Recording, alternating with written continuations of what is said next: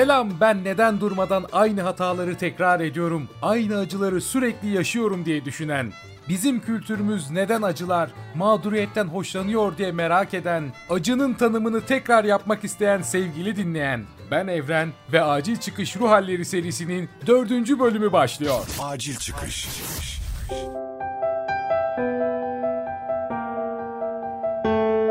Etrafımızda ya da bazen hayatımızın içinde formülü hem karışık hem de çok basit gibi görünen hikayeler var. İki kişi birbirini seviyor ya da sevdiğini sanıyor. Her şey güzel başlıyor. Fakat kısa zaman sonra güzel başlamış olan her şey birden tersine dönüyor. Durmadan kavgalar, hakaretler. Dışarıdan bakan bir kişi diyor ki siz manyak mısınız? Birbirinize bu kadar zarar veriyorken neden beraber kalmaya devam ediyorsunuz? Bu çiftler sevgili oldukları süre boyunca defalarca ayrılıyorlardı. Ama kısa süre sonra tekrar bir araya geliyorlar ve kısır döngü uzun zaman devam ediyor. Bir gün yine büyük bir kavga sonunda bambaşka bir karar geliyor. Biz evlenelim. Evlilik bir çözüm olarak görülüyor. Her şeyi çözecek bir kavram.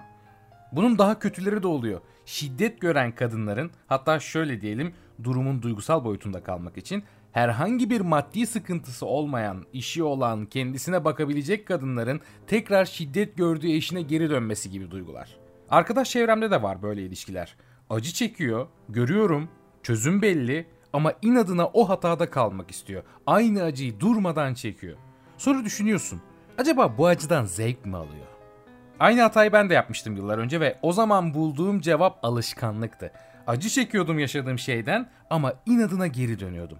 Alışkanlığın verdiği rahatlık alanından çıkmak acıdan daha korkutucu geliyordu. Peki Özge, neden biz insanlar acıyı bu kadar çok seviyoruz? Aynı hataları neden durmadan tekrarlıyoruz? İlk hikaye örneğinden yola çıkarsak. Şöyle güzel güzel laflar var. Onları ben çok seviyorum Evren. En iyi yol bildiğin yoldur. Ondan sonra herkese kendi osuruğu güzel kokar. falan gibi. Acıyı seviyor muyuz bilmiyorum ama acı bildiğimiz şeyse bildiğimiz acıyı çekeceğimiz koşulları tekrar tekrar yaratıyoruz. Senin bu baştan anlattığın hikayedeki gibi ayrılmalar, barışmalar, hep aynı kavgayı yapmalar. Benim ilişkilerle ilgili bildiğim bir şey varsa atıyorum ilişki hep kavgalıdır. Sevgiyi almak hep zordur. E, mutlu son yoktur. İşte erkekler acımasızdır, kadınlarsa şöyledir filan gibi. İlişkilerle ilgili böyle bilgilerle hareket ediyorsam o zaman o bilgiler doğrultusunda kendimi bildiğim yere sokarım, taşırım. Bildiğim şeye benzemiyorsa girdiğim ilişki o zaman onu bildiğim ilişkiye döndürmek için elimden geleni yaparım. İnadına mı sanmıyorum inadına e, olduğunu kişiler burada gayet içten bir şekilde, içten gelen bir şekilde, dürtüsel bir şekilde kendilerini bildikleri, tanıdıkları yere koyuyorlar. Ve dışarıdan nasıl görünürse görünsün bildikleri yerde rahat ediyorlar. Şimdi konu biraz ilişkilere dönmüş gibi oldu örnek yüzünden ama şunu sormam lazım. İlişkilerde bazen olay sevgiden, aşktan çıkıp o bir kalıp olayı, dışarıdan öğrendiğimiz bazı kalıplar var. İlişki şöyle şöyle olmalıdır. Acaba o kalıbın içine mi tıkıştırmaya çalışıyoruz? Ve o kalıba tıkıştırdıkça da aynı şeyleri mi tekrar tekrarlıyoruz durmadan acaba? Ee, daha önceden yaşadığım bildiğim bir kalıba tıkıştırmaya çalışıyorum. Kendi bildiğim bir şey değilse annemi ve babamı belli bir kalıbın içinde izlemişimdir e, doğduğumdan itibaren. Onların kalıbına sıkıştırmaya çalışıyorumdur.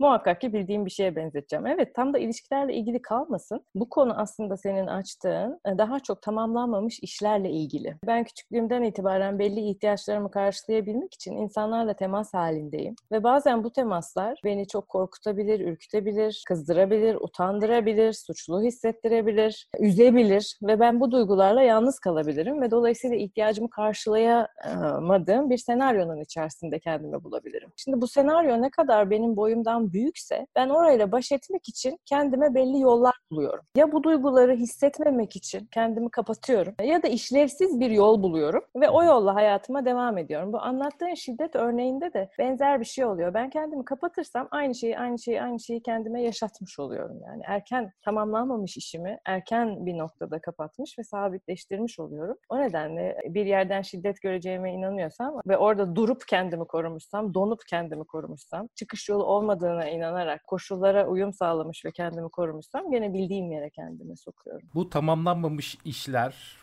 bir şu an benim yeni duyduğum bir kalıp oldu. Yani bir tanımlama oldu. Şimdi hatalardan da bahsediyoruz. Bu hata mıdır aynı zamanda tamamlanmamış işlerin sonucu? Bir hata değildir aslında iyi bir niyetle kalıyor bizim repertuarımızda. Her ne yapıyorsak o sabit örüntü. Atıyorum benim babam işten eve geliyorsa ve benimle sadece 10 dakika oynuyorsa ve 10. dakikanın sonunda sinirleniyorsa ve beni böyle kenara bırakıyorsa çünkü yorgun ve ben ne bileyim onun yorgun olduğunu ben sevilmemiş zannederim, istenmemiş zannederim kendimi. Çok reddedilmiş gibiyimdir ve çok utanırım. E, e, tekrar tekrar da utanmak istemem. Dolayısıyla alternatiflerden bir tanesi ne olabilir? Benim e, odama gidip oyuncaklarımla oynamam olabilir. Değil mi? Hı. Ya da kendimi yalnız küs küserim. Küsüp evin bir köşesinde oturmam olabilir. Şimdi bunu ben bir hata olarak değerlendiremem çünkü babamla başka temas yolunu bilmiyorum orada. Evde başka büyük de yok belli ki. Özgeciğim sen öyle yapma bak baba baban birazcık dinlensin. Ondan sonra senin yanına gelecek sen biraz bekle bakalım diyecek bana destek olacak. Bu türden bir destek de olmadığında ben kendimi korumak için e, belli bir şekil vaziyet alıyorum. Dolayısıyla buna hata demek söz konusu değil. Sonra büyüdüğüm zaman ne oluyor? E, o zaman geliştirdiğim ve kendimi korumama yarayan bu yöntem ilişkilere de taşıyorum ve orada yavaş yavaş işe yaramamış oluyor. Beni işte 10. dakikada bırakacak bir adam seçiyorum atıyorum. Hı hı. Ya da beni çok sevecek bir adam seçiyorum. Aa, bakıyorum 11 dakika oldu hala beni bırakmadı. Canını sıkmaya başlıyor başlıyorum. Ee, bir an önce gitsin bildiğim şeye e, bu benzesin diye. Mesela hata gibi bakmaktansa küçükken yaptığım uyumun ki yetişkin hayatımda artık o kadar da e, uyum açısından bana hizmet etmediğini söyleyebilirim. Bunu tabii ki çok bilinçli bir şekilde e, yapmıyoruz. Gayri ihtiyar yaptığımız şeyler.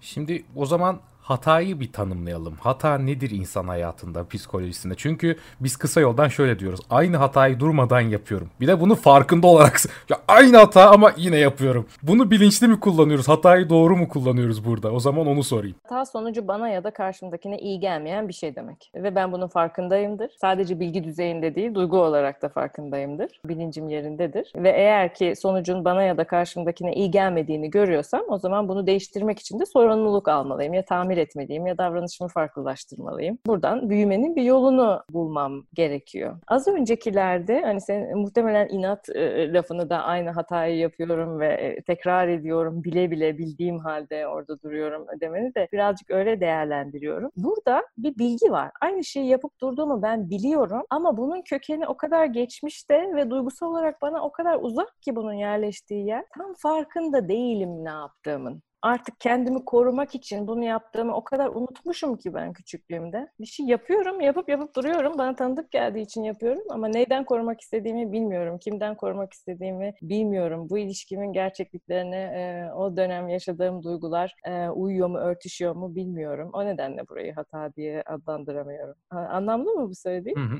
Anlamlı. Tam şöyle soracaktım. İnsan hatalarından ders alır mı diye soracaktım ama sanırım cevabı yanlış yerlerde arıyoruz. Belki de bu dediğinden çıkardığım o geçmişte başka bir cevap var. Ama biz o anda o hatanın yaptığımız hatanın içinde çözümü arıyoruz. Zu çıkardım ben. Doğru çıkardım mı bilmiyorum. Doğru çıkardın. Aynı şeyi hep yapmak, e, yapıp durduğumun farkındaysan, bunu artık biliyorsam e, zihinsel bir düzeyde o zaman bunu yapmayı ben nerelerden öğrenmişim? Birazcık onu araştırmanın zamanı demektir. Çünkü aynı şeyi tekrar tekrar yaşamak, evet bildiğim şey, bildiğim şeyi yapıyorum ama yıpratıcı da oluyor bir müddet sonra. İşte ben 11. dakikada o ilişkiden git, gittikçe ya da işte gitmeyen partnerimi o ilişkiden kovdukça ne sevgi bilgi alabilirim, ne bir eşlik alabilirim, ne bir duygusal paylaşım olabilir, ne büyüyebilirim, ne büyütebilirim. Çok aç ve eksik kalıyorum. Ee, o nedenle de geçmişte bağlantıları kurup hani ne olmuş da böyle yapmayı ben öğrenmişim. Şimdi nasıl farklı yaparım ondan sonra düşüneceğim. O zaman buradan acıya geçiyorum şimdi. Şimdi bizde bir genelleme var. Böyle Türk halkı dram seviyor ki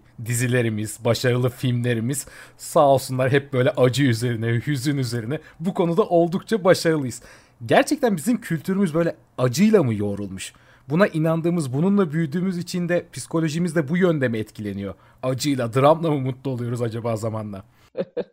ee, bildiğimiz şeyden zevk alıyor olabiliriz gerçekten. Ben eskiden e, işte küçükken hatırlıyorum Türk filmleri izlediğimi falan. Hepsinde aynı böyle şeyler vardı yani. Aa, bir felaketler, kayıplar, sevdiğinin ölmesi, çileler çekmek, işte ondan sonra pavyonlara düşmek, vurulmak, öldürülmek neler neler gördüğümü hatırlıyorum.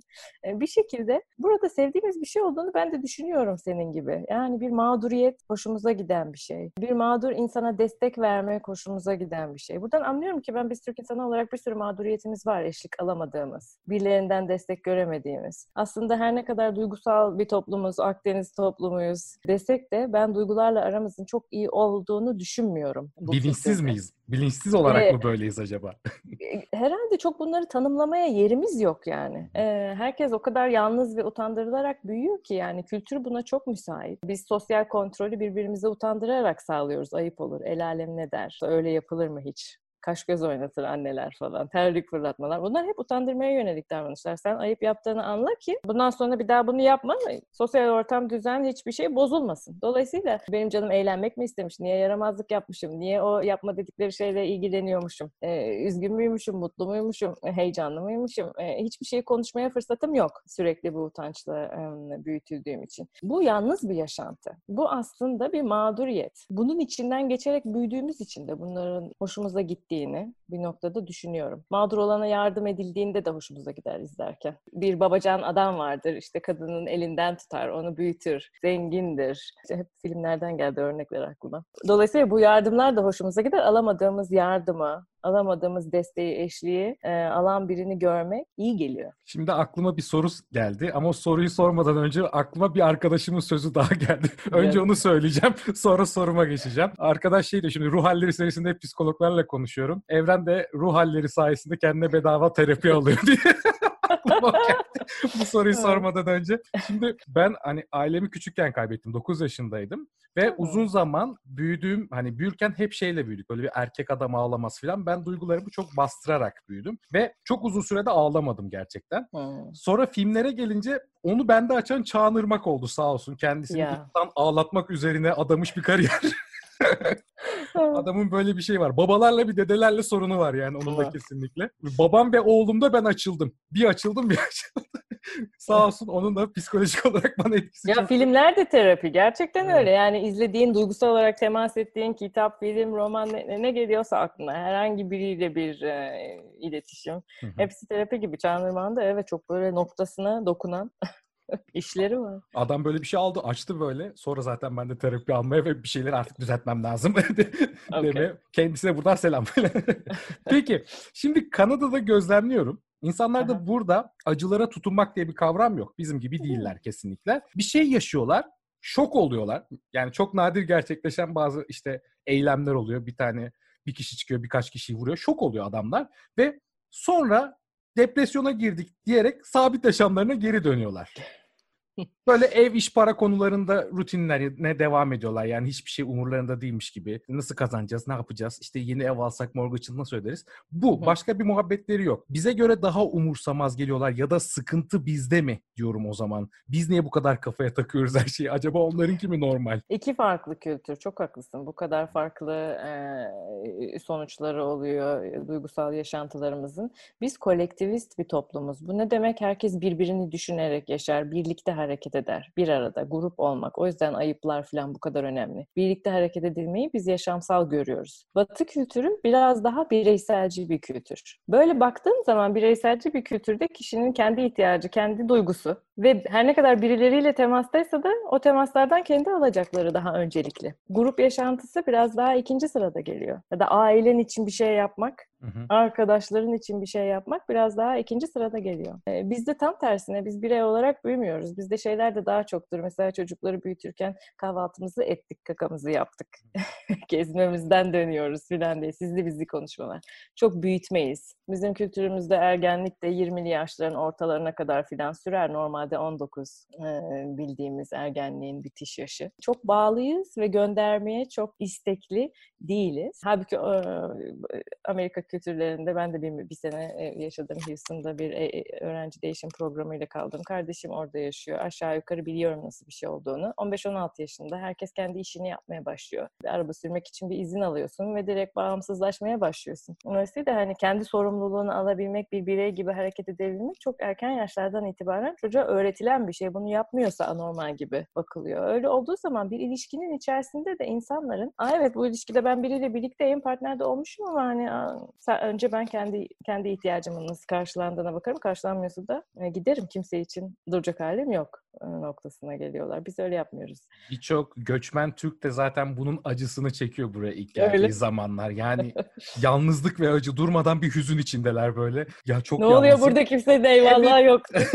kimse bana yardım etmiyor. Biri bana yardım etsin diye böyle öyle bir sıkıntı var. Bu en büyük kültürel farklardan biriymiş gerçekten. Peki acı bir bağımlılık mıdır? Bilmiyorum. Acı biber bir bağımlılık olabilir. Acının oradan düşüneceğim. Yani acı e, bağımlılık yapar mı bilmiyorum ama acının içinde böyle tatlı bir yer var. Tatlı bir yer var. Hakikaten artık hiçbir şey yapmak üzere hareket edemediğin, kendini böyle bıraktığın, tatlı bir yer var. Öyle olduğunu düşünüyorum. Acının bir konforu olduğunu, üzüntünün, acının bir konforu, kendi içinde bir rahatlığı olduğunu düşünüyorum. Çünkü sorumluluk alamayacağını düşündüğün o yer hakikaten artık rahat da ettiğin bir yer. Kabulü de yavaş yavaş getiren bir yer. Şimdi herkes böyle bir yerden mi motive olup acılara izin veriyor bilmiyorum. Herkese tek tek sormak lazım. Ama bence böyle bir tarafı var. Acı çekmeyi öğrenince insan biraz daha onun içine daha güzel ve kolay bir şekilde teslim olabiliyor. Ama onun dışında acı müptelalığı diye bir şey ben düşünmüyorum. Hani acı çekmeyi biliyorsam acı çekeceğim ortamlara kendimi sokarım. Öyle bir danışanım yok diyorsunuz yani ben acı bağımlısıyım falan diye gidiyorum. Şöyle bir başka açıklama olabilir. Bunlar örnekler olsun diye söylüyorum. Çünkü hakikaten klinik psikolojide herkesin hikayesi biriciktir ve herkesin kendi açıklaması neyse ona bakmak lazım. Çok genellemeler uygun olmuyor. Bazen belli bir acıyı hissetmemek için başka bir acı kullanabiliriz. Ne bileyim işte çok çok bir yerde çok canı sıkılmıştır, çok üzülmüştür, üzülmüşsündür. Hissetmemek için çok spor yaparsın. Fiziksel bir acıya çevirirsin. Yorarsın kendini böyle. Bütün kasların minim minim ağrıyana kadar gider koşarsın, yüzersin ne bileyim neyse. Çünkü belli bir acıyı daha büyük bir oranda kendine yaşattığın zaman öbürünü daha önemli olan, daha çok canını acıtan olanı kısa süreli olarak unutabiliyorsun. Böyle bir dinlenme gibi bunun kullanıldığı yerler oluyor. Ve bu da böyle bir belli bir bakış açısı ama bunun senin sorduğun şey olmadığını biliyorum. Sadece farklı bir kaynak olabilsin. İnsanlar kendilerine de doğru soruları sorarak yaklaşabilsinler diye konuşuyorum böyle. Mesela bende acı şöyle bir etki yaratıyor. Yaratıcılığımı arttırıyor. Yani hayatımda her şey çok düzgün, harika ve mutlu hissettiğim zamanlar asla bir şey üretemiyorum, yazamıyorum böyle. Etrafa bakıyorum. Ama bir acı, bir ne bileyim bir sıkıntı, böyle bir şey oldu mu o beni çalışmaya itiyor, yeni şeyler üretmeye itiyor. O yüzden benim bir acı bağımlılığım varsa biraz da ondan galiba. Acıya ihtiyaç duyuyorum belli bir zaman sonra. Bu da iyi bir şey değil galiba. Yo hayır yaratıcılık hakikaten belli bir ihtiyacı karşılamak için kullandığımız bir yöntem yani. Doğuştan hepimizde olan bir şey. Dolayısıyla e, acıdan çıkmaya e, çalışırken, sen iyi hissetmeye çalışırken ya da bir şeyi anlamlandırmaya çalışırken yaratıcı oluyor olman aslında anlamlı. Anlamlı. Kulağa güzel geliyor. Peki Şimdi öneri isteyeceğim. Yine genellemek mümkün değil biliyorum ama acı ve hata kısır döngülerimiz için hani kendini orada hissedenler için var mıdır yapabilecekleri bir şey, önerebileceğiniz bir şey? Benim yine en baştan anladığım tabii ki o bir geçmişe ya da çocuklukta gidip bir terapiyle bunu bulmaya çalışmak da. Ama genel olarak söylenebilecek bir şey var mı diye ben yine de sorayım. Hep yaptığımı biliyorsam bir şeyi ne olması için yaptığımı düşünmek iyi bir strateji olabilir. Ben hatırlamıyorum bunu niye yapıp durduğumu. Belli ki bir yerde öğrenmişim ama bugün ne olması için yapıyoruz? Belki bu soru tek bir soru genellikle açıcı olduğunu ben düşünürüm. Ee, biz genelde böyle neden, neden, neden diye sorarız ama hiç Aa, ne istediğim için yapıyorum sormayız. Şimdi nedenin bir cevabı yoktur. Neden öyle yapıyorsun? İşte çünkü. Uygun bir soru değil. Ne olmasını istediğim için ya da ne olmasın diye, neyin olmasını engellemek için ben bunu yapıyorum.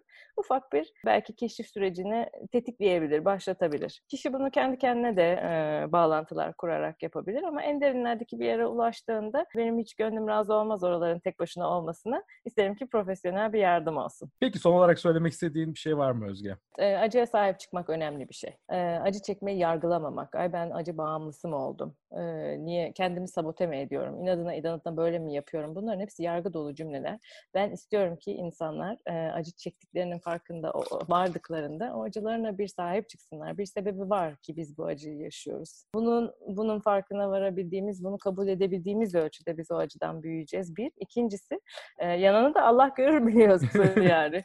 E, o acımı eğer ki birileriyle paylaşabilirsem o zaman istediğim eşliği ve desteği de alabilirim. Büyürken yalnız olmam. Daha daha doyumlu, güzel bir yol olur orası. Çok güzel, çok teşekkür ederim katıldığın için. Rica ederim, ben teşekkür ederim davetin için. E, çok keyifli oldu. Kesinlikle benim için de öyle oldu. Yine bir terapiyi ücretsiz bir şekilde hallettim. Arkadaşıma da buradan lafı sokarak bu yayını bitiriyorum. Acil çıkış.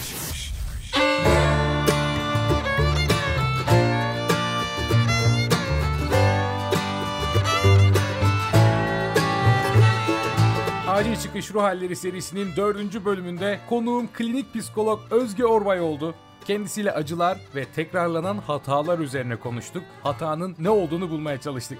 Kendisinin sosyal medya adresine açıklamalar kısmından ulaşabilirsiniz.